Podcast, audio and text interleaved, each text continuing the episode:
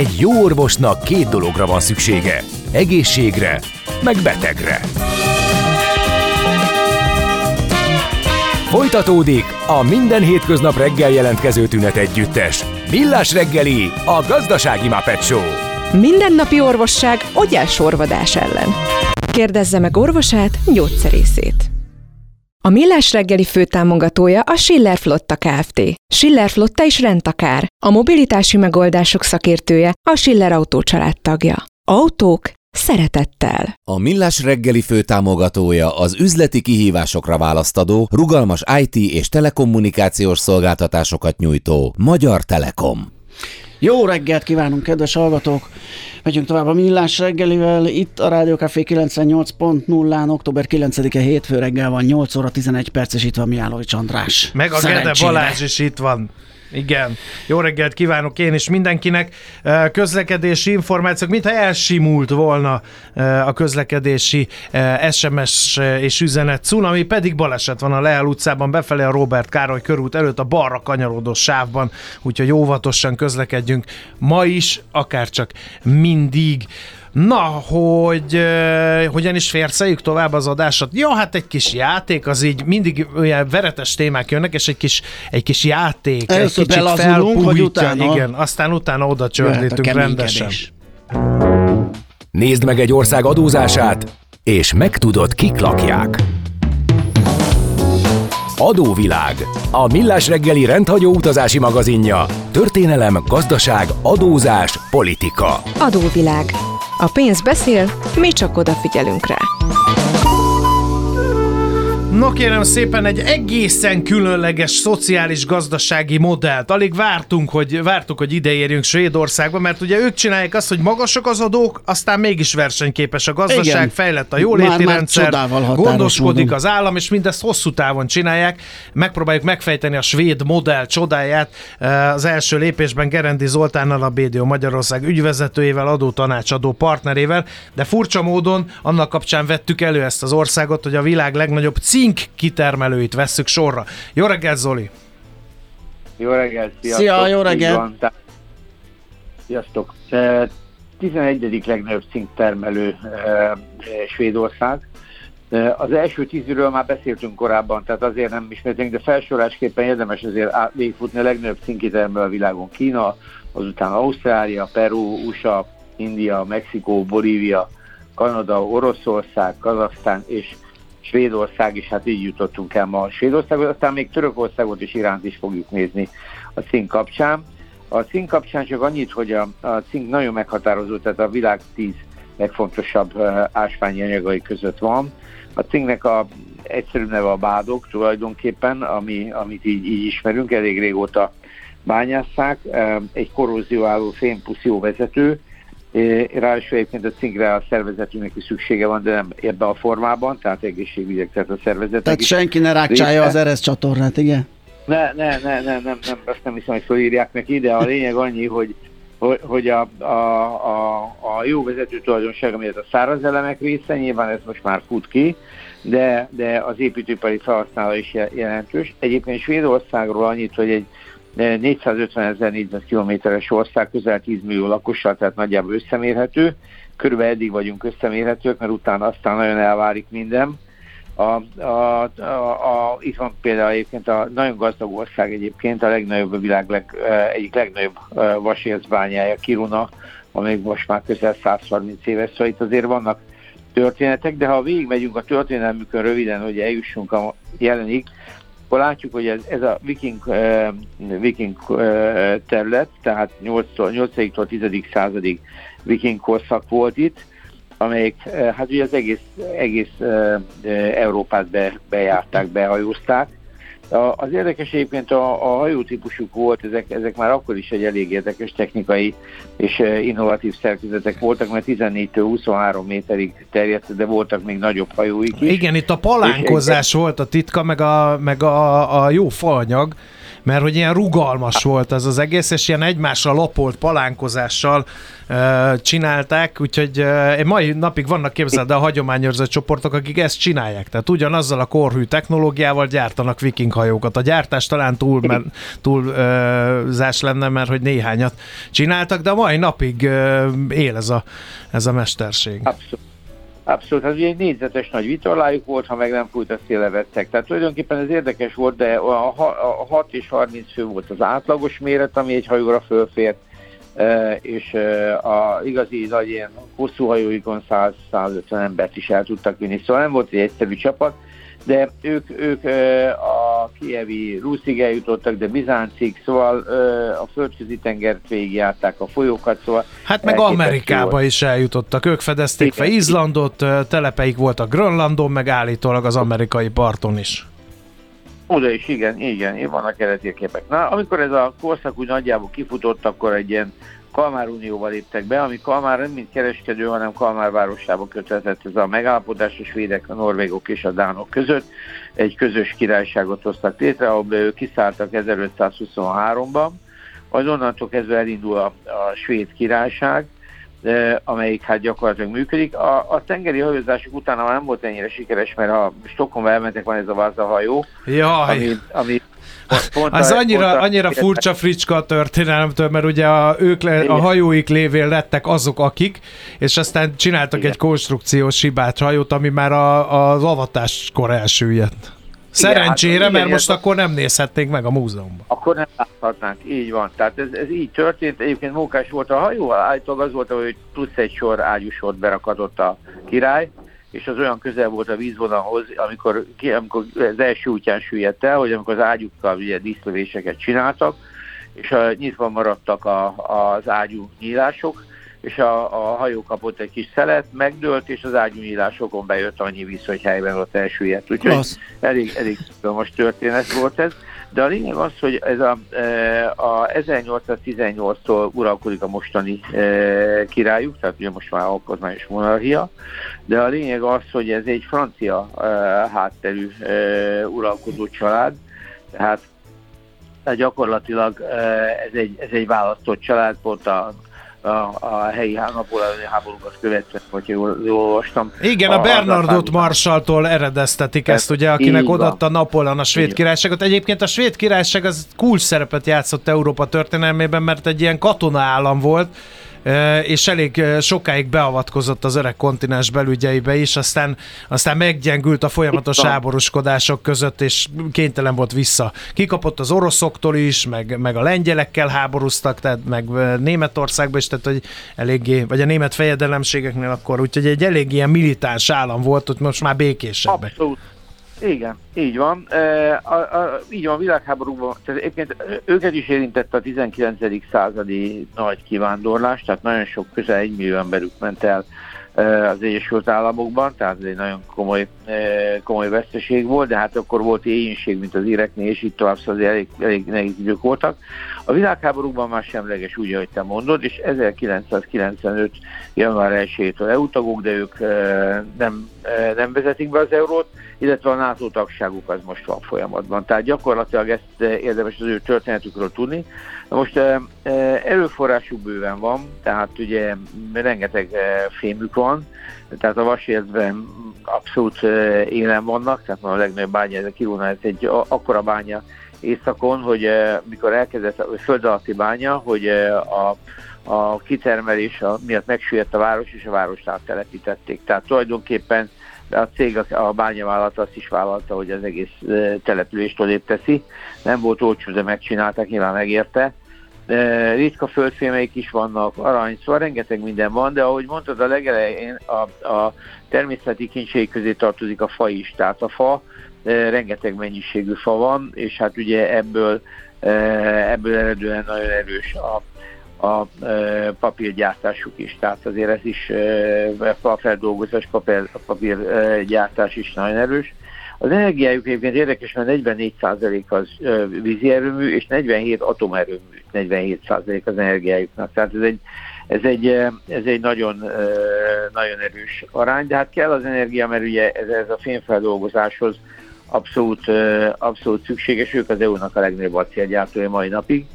Most átérve a gazdaságra, a svéd cégek e, tényleg híresek mai napig, tehát, és vannak újabb cégeik, meg régi cégeik, de úgymond a legértékesebb svéd cégek közé tartozik például a Spotify, amit azért mindjárt ismerünk, az egy nagy tradícióval rendelkező cég, tehát digitális cég, de ugyanilyen e, ismert a Tetra Pak, amit a csomagolásból, Ericsson, a H&M, a divatból, az Evolution, amelyik azt mondják, hogy a Európa e, egyik legnagyobb online e, gaming cége, a Hexagon nagyon erős egyébként a, a, a, azt hiszem top 10-es világ katonai e, eszközgyártói, tehát a Hexagon csoport, de a Volvo, az IKEA és az IKEA méretről... Azt hittem, hogy... sose fogod mondani az IKEA. Igen. A svéd húsgolyók legnagyobb, az, de legnagyobb disztribútora Biztos, hogy a GDP-jükre vetítve is meg lehetne határozni azt, hogy mit hoz nekik a húsgolyó. Igen, igen, igen. Tehát nagyon komoly, 48 milliárd eh, dolláros forgalmuk van globálisan, tehát 22-ben. Jó lett a alapító már nem, e, e, nem él, ugye, és ahogy honnan van a neve, a, az Ingmar Kamprad volt, IK, és az E, az nem tudom mit jelent, de, de innen jött a, uh-huh. a, a, a neve, tehát az alapító monogramja volt e, benne. Na most, ha még beszélünk a, a, a híres svéd gazdákról, hogy a Nobel-díjak után érdemes megemlíteni a Nobel családot, Ugye ott két ág volt az Alfred Nobel, aki létrehozta a díjat, amiből most mi is részesültünk, mert a Karikó Katalin és úgy tudom a Krausz Ferenc is e, e, kapott, e, kapott Nobel-díjat idén, ami halatlan a siker. De a Nobel családnak két ága volt, tehát volt az Alfred, aki a Dinamit Nobel volt, és aki ezt az alapítványt létrehozta, vagy akinek a végrendelete alapján jött létre ez az alapítvány. A másik a Ludwig volt, aki, a, aki a, a, az ipari ág volt, és akiknek a nevé, akik egyébként Oroszországba Szentpétervárra települtek, és az ő nevükre, ők nevükhöz fűződik a világ egyik legnagyobb 20. századi olajcége, amit aztán a orosz forradalom elsöpört, a Branobel. És ezért például ők, általában az volt a történet, hogy az orosz szár úgy eladósodott, hogy koncesziót adott nekik a Kaspi-tenger térségében, és hát így voltak ők abban az időben a legnagyobb olajkitermelők, és egyébként egy teljes vertikumú olajgazdaságot hozott létre ez a cég, amelyet pont az orosz forradalom tőzsdei bevezetés előtt voltak, úgy olvastam, és a, a, a bolsevik forradalom sodort el. Tehát gyakorlatilag ezért van a, a ma is, hogyha Bakuba elmegy az ember, akkor a, a, a Nobel villa az egy nagyon híres hát látványosság. Tehát ennyit a svéd gazdaságról. Na most az adórendszerre át, átmennénk, azért itt a jó hírek ugye elmaradnak, tehát a, a, a, jó lehet, ahogy mondtátok, egy jobbant magas, tehát alkotmányos szinten biztosítják az oktatást, az egészségügyet, nyugdíjat, tehát egy nagyon komoly nagyon komoly jóléti Egy hallgató azt kérdezi, hogy tényleg az alapjövedelem is van már náluk? Adómentes náluk az alapjövedelem, azt hiszem egy ilyen, tehát egy kulcsosak, de Aha. mi volt pontos a kérdés? Hát, hát hogy, hogy van-e a... alapjövedelem, amikor nem kell csinálni semmit, csak, csak kap jár pénzt valami pénz. Én szerintem támogatási rendszerük lehet, de hát ez most valószínűleg munkanélküli segélyként van. Aha, a rendszer, tehát most most Na, nem abban az értelemben, amiről most a vita szól, hogy bevezessék, ne vezessék. Igen, hát az, az leginkább az olaszok kezdték ez egyfőre, amikor már nem kell dolgozni és van pénz. Én szerintem rászorultsági alapon adnak ők ilyet. Aha. És az egész alulrendszerük is nagyjából erre megy. Hogy röviden végignézzük, azért az áfában ők elő vannak 25%-osak, de az élelmiszereknek 12 és így tovább, tehát azért itt vannak kedvezőbb részek. A társasági adójuk az 20,6 százalék, tehát ez, ez, ez azért elég magas, tehát ez nem egy, nem egy, nem egy alacsony kulcs. És az igazi problémák azok az SZIA-nál kezdődnek, ahol van egyébként 600 ezer koronáig mentesség, viszont utána e, 20 százalék, de aztán belépnek a, a, belép egy ilyen nemzeti adószink is, tehát itt már helyi és, és gyakorlatilag nemzeti is van, és a, a, a, a lényeg az, hogy ez föl tud menni 50% fölé. Tehát ugyan tehát a 20, 20% körül van a, a, a normál adójuk, de, de erre van egy 32,3%-os e, helyi adó is. Tehát így föl lehet jutni a sávokba elég, nem is sávvezeték, készkulcsos, elég magas szinte, ez 60%-nál húzzák meg a vonalat, ami, ami elég erős. Tehát a svédeknél ez a magánszemélyek részéről egy szerencsétlen dolog, jó lehet, nincsen örökösödési illeték, nincsen, eh, ahogy láttam, ajándékozási illeték, de ezek elég ütősek, és így, így, így teszik ők fel magukat egyébként a, a, a, az OECD-be, az OECD ilyen textúl GDP-be igen magas szinte, tehát 40% fölé fölmennek, ami, ami, ami, ami azért elég ijesztő. Tehát összességében ők ilyen szempontból egyáltalán nem állnak, nem állnak jól, ők 42,6% még az OECD-ben 34,1%, tehát maga a svéd adórendszer azért úgy mondanám, hogy ugyan úgy tűnik, hogy igazságos és oké, okay, de, de elég eltérő, és hát a, az OECD-ben is hát a, a finnek előzik meg, meg a dánok őket elsődlegesen, de azért hozzá kell tenni Franciaország, Ausztria és Olaszország is előtte van. Próbálják őket csökkenteni, Norvégia is 42%-os, de ott ilyen tizedek eltérés van. Tehát én úgy gondolom, hogy a, a svéd jóléti állammodell azért az most egy ilyen határértéken van, és már ők is csökkentik. Tehát egy látszik, hogy uh, akinek nincs uh, annál ott a, ez a fajta társadalmi segítség, ez elég jó, amit láttunk, oktatás, egészségügy és így tovább, de hogy ezt a versenyképességük meddig fogja bírni, ez egy, ez egy nehéz kérdés. Tehát a munkaerő kérdések azért szerintem ilyen szempontból nem elhanyagolhatók, de én nem vagyok a svéd gazdaságnak ilyen szempontból szakavatott értője, tehát ez egy, ez egy önmagában egy nehéz kérdés. Tehát Svédország egy biztos, hogy cink kapcsán került szóba, de ezer más dolog miatt szóba kerülhetne, nagyon magas 54 ezer az egyfőre jutó GDP-jük, ami, ami szintén 54 ezer dollár per év, amivel azért ők világtudalmistán is elég komoly helyen vannak. Tehát én úgy gondolom, hogy, hogy, hogy itt is lesznek azért változások, mert azért ezt, ezt, ezeket a terheket vinni nem egyszerű, és azért az a, a, a, az a rendszer mindenképpen e, költséges, de tanulni lehet tőlük az egészen biztos. De az SZIA-juk azért szóval ha, hajmeresztő, tehát nagyon magas. Tehát ez, ez náluk egyébként adójogilag nagyon sokan ki is vándorolnak emiatt. Tehát azért, hát például Ingvar Kamprad is Svájcban, ha jól emlékszem, ott adózott, igen. igen. Az IKEA alapító atya. Így van, tehát vannak különböző exit modellek, amivel délre települnek, nem csak a hőmérséklet miatt, hogy végre egy kis meleg is legyen, hanem egyszerűen azért, mert például portugálokkal van egy ilyen adó modelljük, akik, akik ezeket a svéd gyakorlatilag nyugdíjasokat kedvező modellbe teszik át, de hozzáteszem, hogy nagyon-nagyon komplex ez a rendszer. Én úgy gondolom, hogy, hogy, hogy változások itt is lesznek, szóval ez egyáltalán nem egy egyszerű. De maga az ország gazdasága és történelme nagyon imponáló. Tehát úgy néz ki, hogy a gazdaságunkban nehéz ipartól kezdve, hogy látjuk az IT-iparon minden megvan. Úgyhogy én úgy gondolom, hogy azért ők, ők a rangisták élén fognak továbbra is maradni. Zoli, mondom, hogy miért nem ugrott be neked az IKEA a vége, az E meg az A, ugye az eleje stimmel, hogy Ingvar Kamprad, de én sem tudtam a folytatást. Elmtarid, Na. az E, a farm, ahol felnőtt, és Agunarid, ha jól mondom, a, a közeli település. Ja, hogy a farmot senki nem ismerte, kellett egy olyan név is bele, amit mindenki tudja. Igen. Ja, hogy az hát, valahol. Igen. igen. Így lett IKEA. De azért ez a svéd dialektusod még nem az igaz. De ugye, nem, nem, nem, nem, nem, nem érezted natívnak? Jó van. És legközelebb hoz szóba valami űrőgarnit Tóra nevét is hadd cizellálódjon a Balázs eh, ebben is. Nagyon szépen köszönjük, klassz volt, mint mindig. Szép hetet. Szép napot, szia Zoli! Sziasztok, sziasztok! Gerendi Zoltánnal beszélgettünk első körben Svédországról, ugye a legnagyobb cink kitermelőket veszük Gorcső alá, a BDO Magyarország ügyvezetője adótanácsadó partnere, ugyanezt tesszük a második részben, csak dr. Feledi Boton Van ott is miről beszélni, hát, NATO csatlakozás, stb. stb. Úgyhogy kamillázatok tovább, folytatódik az adóvilág, egy rövid szünet, meg természetesen a zene után. Folytatódik az adóvilág a Millás reggeli rendhagyó utazási magazinja. Nézd meg egy ország adózását, és megtudod, kik lakják. Adóvilág. A pénz beszél, mi csak odafigyelünk rá. A vonal túlsó végén Feledi Botont külpolitikai szakértő. Szerbusz, jó reggelt kívánunk!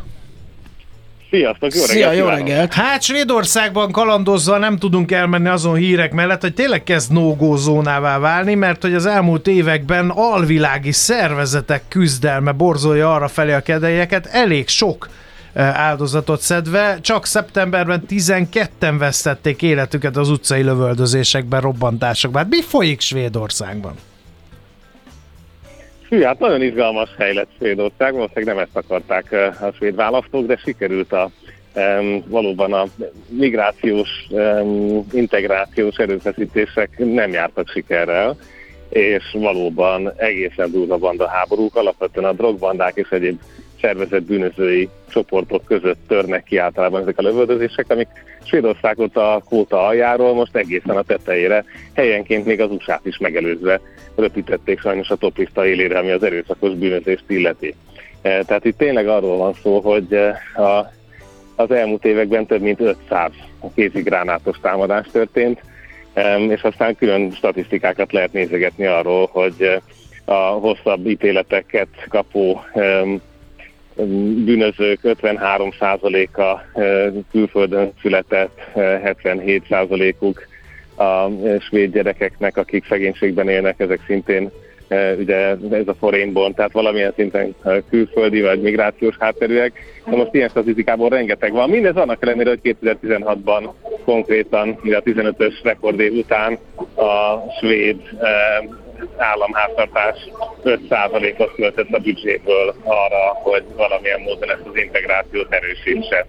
Úgyhogy tehát itt tényleg egy, egy nagyon kemény történet van, amit ideje korán felismertek. Tehát itt szerintem a magyar médiában itt van a, a kis bias beépítve, hogy mintha még most is a svédek itt kávézni próbálnának, és közben fejük fölött száll a kézigránát. Ez nincs így.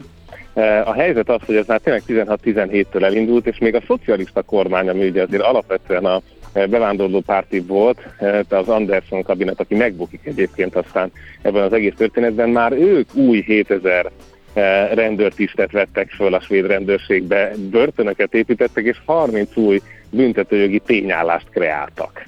Uh-huh. Tehát ez volt a megbukott szocialista kabinet, ami után megérkezik a svéd történelemben először a svéd demokraták, ami, ami a Svédország SPÖ-je, vagy ASD-je, vagy hát magyar hasonlatot már nem is tudnék mondani. Tehát az ottani szélsőséges párt, amit 80-as években valóban még neonácik alapítottak, ezt kipucolgatják valamennyire, és most egy olyan koalíciós szerződés születik, ahol három jobboldali koalíciós párt bent ül a parlamentben és a kormányban, a negyedik a svéd demokraták pedig kívülről támogatja, de a szerződésben része, tehát érdemben mondjuk költségvetési tárgyalásokban vagy köztisztviselői pozíciókban is részesül, ez tényleg először a svéd demokrácia történetében. Mindezt úgy, hogy egyébként a miniszterelnöknek a, a hagyományos jobboldali eh, moderált svédek pártja az egyébként történelmek az egyik legrosszabb eredményét éri el, mert hogy tényleg eh, más irányokba kezdenek el szavazni. Tehát ez az egész társadalmi környezet megteszi a hatását, Persze nem a nagyvárosiak szavaznak alapvetően rájuk, hanem inkább a kisebb városi vidéki választók húzzák be a jobboldali koalíció, de 2022 óta gyakorlatilag egy négypárti jobboldali koalíció vezeti az országot, részben pont a banda háborúknak és a bevándorlási kérdésnek köszönhetően. Koalíciós szerződés egyik kitétele az volt, hogy a több ezer helyet most csak összesen 900 menedékkérőt fognak befogadni az idei évben, tehát azt a szükséges minimumot teljesítik, ami az uniós tagságból és nemzetközi szerződésekből következik. Uh-huh. Úgyhogy itt tartunk. Tehát hát igen, ezek a svéd hétköznapok belföldön, de közben meg ugye ott van a szomszédban nem is oly messze egy elég komoly háború, melynek az ukrán felett támogató blokkból az egyik legerősebb oszlopa Svédország, legutóbb is elég sok pénzt legutóbb 2,2 milliárd svéd korona, az 73,5 milliárd forintnak megfelelő katonai támogatást jelentett be a védelmi miniszter, úgyhogy a külpolitika is most elég mozgalmasnak tűnik így svéd szemszögből. Abszolút igen, tehát nem csak a, nem csak a moderát balközép hagyományokat adták föl a jobboldali kormányokért cserébe, hanem úgy tűnik, hogy a semlegeségről is lemondtak, ugye a NATO csatlakozásra a finnekkel együtt jelentkeztek be, de a török-magyar halogatás miatt ez e, még a tagállami ratifikációk miatt késik. Um, nyilván érzik azt, hogy Oroszország egy egészen más um, fokozatba váltott az Ukrajna elleni agresszióval, ezért uh, meg tudták győzni a svéd választókat, sőt, hát a svéd választók akarták azt, hogy ez a katonai semlegesség feladódjon. Ugye nagyon komoly svéd hadipar létezik, és nagyon sok mindenben eddig is együttműködtek egyébként Norvégia ugye NATO tag volt, tehát volt eddig is együttműködés. Ez az, ami most ki fog terjedni, és ezzel lényegében a balti tenger egy NATO tengeré fog válni. Tehát tulajdonképpen ez az a lépés, ami hihetetlen fontos, hogy, hogy lesz az a Szentpétervári kikötő, amit a NATO tagállamok vesznek körbe, és hát ennek megfelelően kell majd megnézni azokat a svéd szigeteket ott a balti tengeren, ahol szintén egészen hatalmas pénzeket költenek. Legutoljára azért erre a hidegháború közepén volt például Svédország ilyen szinteken föltornázta a védelmi költségvetését, és el kell mondani azt is, hogy ugye a sorkötelezettség bizonyos szintű visszavezetése már megtörtént, tehát itt tényleg komoly hadikészültség van, egy kicsit inkább ilyen svájci öntudatot képzeljünk el, tehát a svédeket csak kell erről győzködni, megvan a társadalmi hagyománya is ennek, a svéd dezinformáció is nagyon, a svéd dezinformáció elleni küzdelem is nagyon híres jól szervezett civil keretekbe szorított, tehát ez nem rendőri feladat, nem titkosszolgálati feladat, nagyon érdekes, hogy a civil védelem látja el például ennek is az egyik nagy tevékenységi lábát. Úgyhogy itt ébren vannak. Igen, ez is egy érdekes. Na de mielőtt uh, tovább lépnénk esetleg egy teljesen másik témára, nem, nem tűnt úgy, hogy ennyire problémáktól terhelt mondjuk a svéd-magyar viszony, és hát lám mégis ugye elég komoly gondok vannak, itt gyermekkönyvektől kezdve minden szóba kerül. Itt azért a legfrissebb információ az, hogy, hogy német Zsolt mondta azt, hogy Magyarországon nem fog múlni az, hogy a svédek NATO tagok lesznek-e, vagy semmivel továbbra is támogatjuk a NATO bővülését, és hogy, hogy itt akkor most ki a kerékkötője ennek az egésznek? Igen, mert először úgy nézett ki, hogy ahogy csak egy ilyen török-magyar barátságból kifolyólag akasztjuk a NATO csatlakozást, és mintha lett volna, a... vagy született volna egy saját konfliktus hogy, Igen, hogy ilyen bazári alkudozás igen, folyik, igen. hogy mi a, lehet, vagy egyes hírek szerint a, az uniós költségvetést akarjuk meghekkelni ezzel a módon, a törökök meg szeretnének amerikai F-16-osokat nem csak venni, hanem gyártani is, és hogy ilyen ilyen bazári alkudozás folyik szegény svédek feje fölött arról, hogy most akkor ők biztonságosabban élhetnek-e vagy sem. Ugye a török oldal valóban tisztább, tehát ott kint vannak a kérések már gyakorlatilag a harmadik naptól. Ott tudjuk, hogy valóban az F-16-os az egyik történet, ezt a G20-as nemrégi találkozón egyébként Biden Erdogan szépen megerősítette, tehát ez szinte így elhangzik. Ugye ott a kongresszusnak ezt jóvá kell hagyni, tehát ez nem egy fehérházi döntés, innentől lesz szép a mhm. játszma. Eh, hiszen ezt Erdogának el kell tudni képzelni, hogy van olyan hely, ahol a eh, kongresszus az nem eh, egy az egyben azt csinálja, amit az államfő akar. Jelen esetben ugye Amerikában ez külön Igen. problémás, mert éppen elvesztette a Igen. republikánus alsóháza a speaker, tehát a házelnököt. Magyarország ugye először úgy tűnt, hogy a törökök mögött halad ebben a történetben, és inkább egyfajta török koalíció. Utána rájött a, a, a szakma, hogy mi van akkor, hogyha ez inkább ugye akkor éppen zajló svéd uniós elnökségnek szól. Tehát ne felejtsük el, most már az azért uh-huh. egy ideje húzódik, és közben fél évig a svédek voltak uniós elnökök, hogy akkor ezzel lehet nyomasztani Stockholmot, hogy ne vegyen napirendre olyan dolgokat, amik a, a magyar jogállamisággal kapcsolatosak.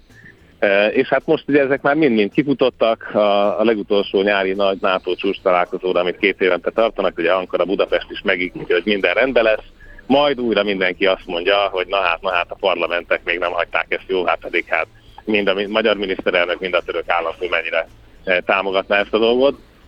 Úgyhogy innentől kezdve tényleg jöttek a mesekönyvek és minden más, hogy Magyarország itt még további uniós dolgokat tud-e kérni, közben azt látjuk, hogy most akár az OTP ukrán fekete listázása, akár a múlt heti Financial Times cikk, ami szerint már van megegyezési lehetőség az Európai Bizottsága, legalább az igazságügyi feltételek teljesítése kapcsán több mint 10 milliárd euróhoz való hozzáférésre.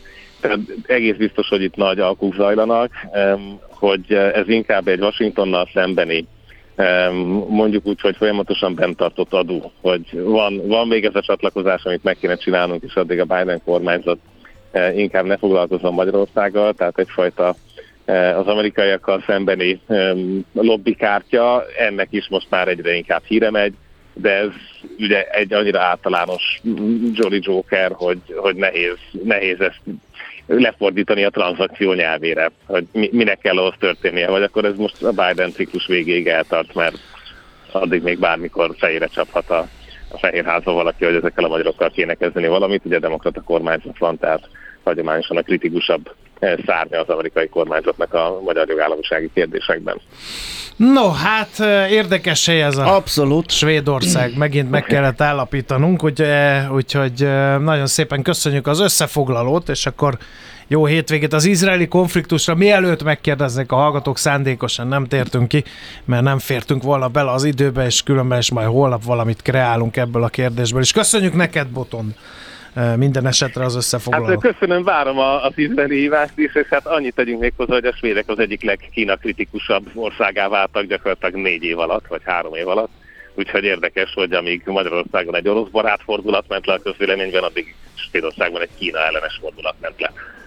Hát ez igen. így a hétfő reggeli Igen, igen, igen ez még így jó volt. Elfelejtettem feltenni a jól bevált kérdésemet, de köszi, hogy sort kerítettél rá. Köszönjük még Köszi egyszer. szépen, szép napot. Szép napot, szervusz. Sziasztok, szép napot nektek is, hallgatóknak is. Dr. Feledi Botont külpolitikai szakértővel beszélgettünk így az adóvilág rovat második részében Svédországról, akiket azért vettünk elő, mert az egyik legnagyobb cég, ö, cink, Cink. kitermelő ország, és ö, kijavították a hallgatók, hogy a bádog az nem ez, hanem az hor- Horganyzott vaslemez. horganyzott acéllemez, tehát csak Igen. bevonatot ugye az oxidáció ellen képeznek cinke. Adóvilág. A Millás reggeli rendhagyó utazási magazinja hangzott el, ahol az adózáson és gazdaságon keresztül mutatjuk be, milyen is egy ország vagy régió. Adóvilág. A pénz beszél, mi csak odafigyelünk rá.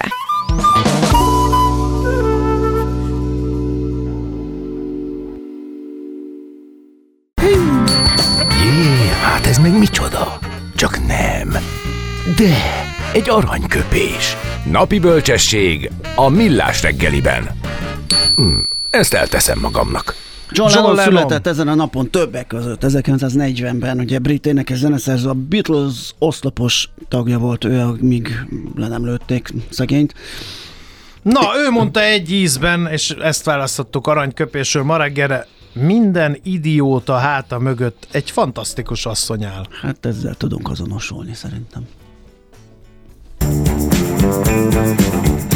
Nem tudod, hogy az információ özönben mi a fontos, mi a piacmozgató? Gyors jelentések, gazdasági mutatók, események? Csatlakozz piaci hotspotunkhoz, ahol friss és releváns információ vár. Jelszó Profit. Nagy P-vel. A vonal első- túlsó végén Turner György az Erste befektetési ZRT USA Desk üzlet kötője. Jó reggelt kívánunk! Jó reggelt! Szia, jó reggelt! Az első kérdés, hogy lesz a kereskedés, hogy le tudják-e a befektetők reagálni a hétvégi közelkeleti konfliktus hatásait, ma az látszik, hogy ahol van határidős piacot, mínuszos uh, BIP a Dow Jones, ott lá... Keres, Igen? ja, bocs, bocs. Tehát a keres, kereskedés maga az, az lesz, eh, tehát ennyiből ez egy jó hír is lehet. Aha, Eh, ahogy említetted, de eh, igen, tehát ugye a, a konfliktus valószínűleg ilyen befolyással lesz, és nem, nem feltétlenül pozitív befolyással az áradásra, elsőre úgy tűnik. uh-huh. Más kérdés, hogy az a, az a vélemény, vagy a szakértői vélemény, hogyha ez nem eszkalálódik a térségen túl, akkor ennek nincs feltétlenül ugye, legitim oka. Például az egyik ugye egy, egy Hát igen, ezt az olajpiaci befektetőknek is el kéne mondani, akik 5%-ot pöccintettek az árfolyamon, ugye úgy, hogy egyik sem egy nagy olajkitermelő ország. Po- Pontosan ezt akartam mondani, Ja, bocsánat. az, az, az olajáron. Igen, nem csak az egyik aspektus az olajáron, miközben ugye fizikailag, ugye, hogyha nem terjed a konfliktus, akkor ezt nem tudja befolyásolni. De nyilvánvalóan ilyenkor, ilyenkor a, a, nem csak hogy a pánik van ott, hanem a mondjuk az, hogy racionális kockázatkerülés, mert úgy is lehet vele a befektető, hogy rendben, de mi van, ha eszkalálódik, Pontosan. akármilyen szinten, és akkor... Bizonytalanságot nagyon nehéz árazni, ugye, hogy ilyen alternatíva, olyan alternatíva, nem tudjuk mi jön be. Igen. Hát úgy az üzletmenetben és a, bizonytalanság kerülésért hajlandók prémiumot Aha. ö, fizetni az emberek, tehát ö, innentől ez is érthetővé válik. De Abszolút. igen, tehát ö, e- ez, hogy, hogyha mondjuk pénteken kellett volna összeállítani a témákat, akkor biztos, hogy ez még nem lett volna rajta, de ez, ez meglepett ö, szerintem mindenkit. Igen. Um, Mi lenne, ha ez Ha- nem ha- lenne? Milyen sztorikat hoztál? Igen. Igen, akkor megemlítettem volna, hogy pénteken egész szépen visszahúzták a nagyobb e, részvényindexeket, annak ellenére, hogy egyébként egy e, nagyon erős munkaerőpiaci adatot kaptunk, a non-for payroll az, az nagyon erős volt, pénteken, és az amerikai kötvényhozamok is, is nagyon szépen emelkednek. Ugye a 20 éves hozamok már 5% fölött vannak, 10 éves az közelíti azt, ezek, ezek historikusan magasnak számítanak, tehát ez egy kicsit felemásnak tűnik eleve.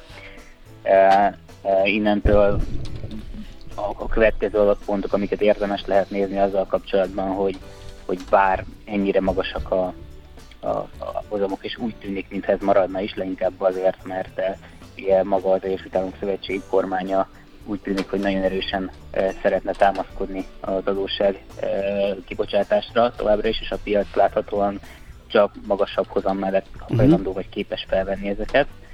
E, tehát érdemes lesz nézni azt, hogy kapunk -e olyan adatpontot a vállalatok részéről, miszerint a profitabilitásuk megmarad, esetleg még javul is, hiszen az tovább növelhetni a, a, a lelkesedést, vagy hát a, a félig meddig meglévő lelkesedés a részvénypiacon, és ugye a, a, a jelentési szezon az kezdődik, tehát az, az érdekes lehet.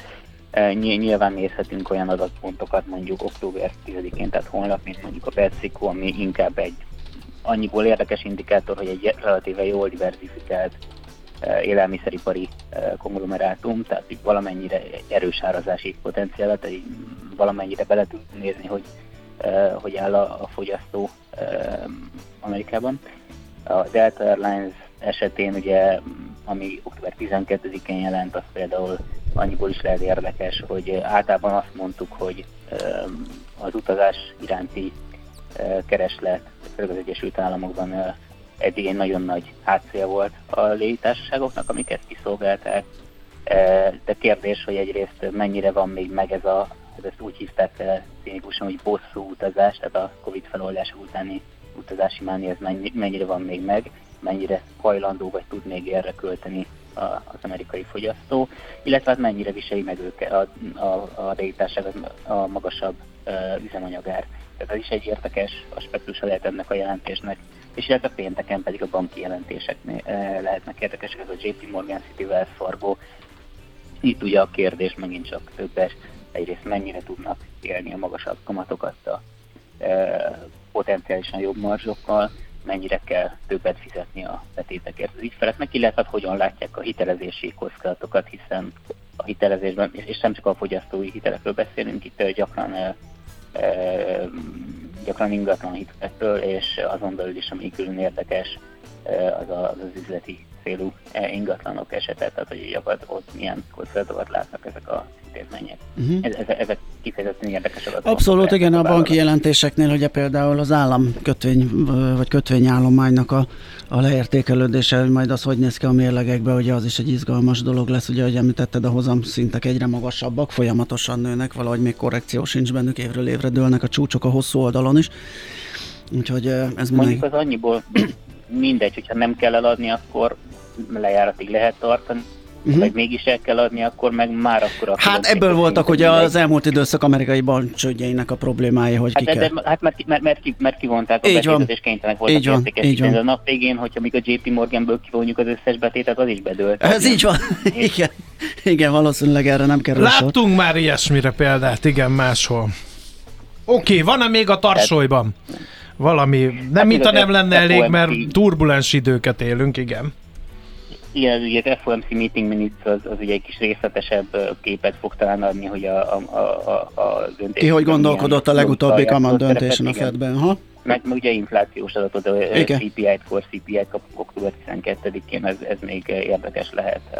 Ez, ezek lesznek szerintem az érdekes dolgok. Oké. Okay. Jó, nem fogunk unatkozni megfűszerezve, hogy a közel-keleti e, új krízissel elég erős elé nézünk. Gyuri, nagyon köszönjük, hogy hoztad nekünk ezeket az infókat. Jó munkát, szép napot! Köszönöm. Szia! Turner Györgyel az Erste befektetési ZRT USA deszküzletkötőjével beszélgettünk.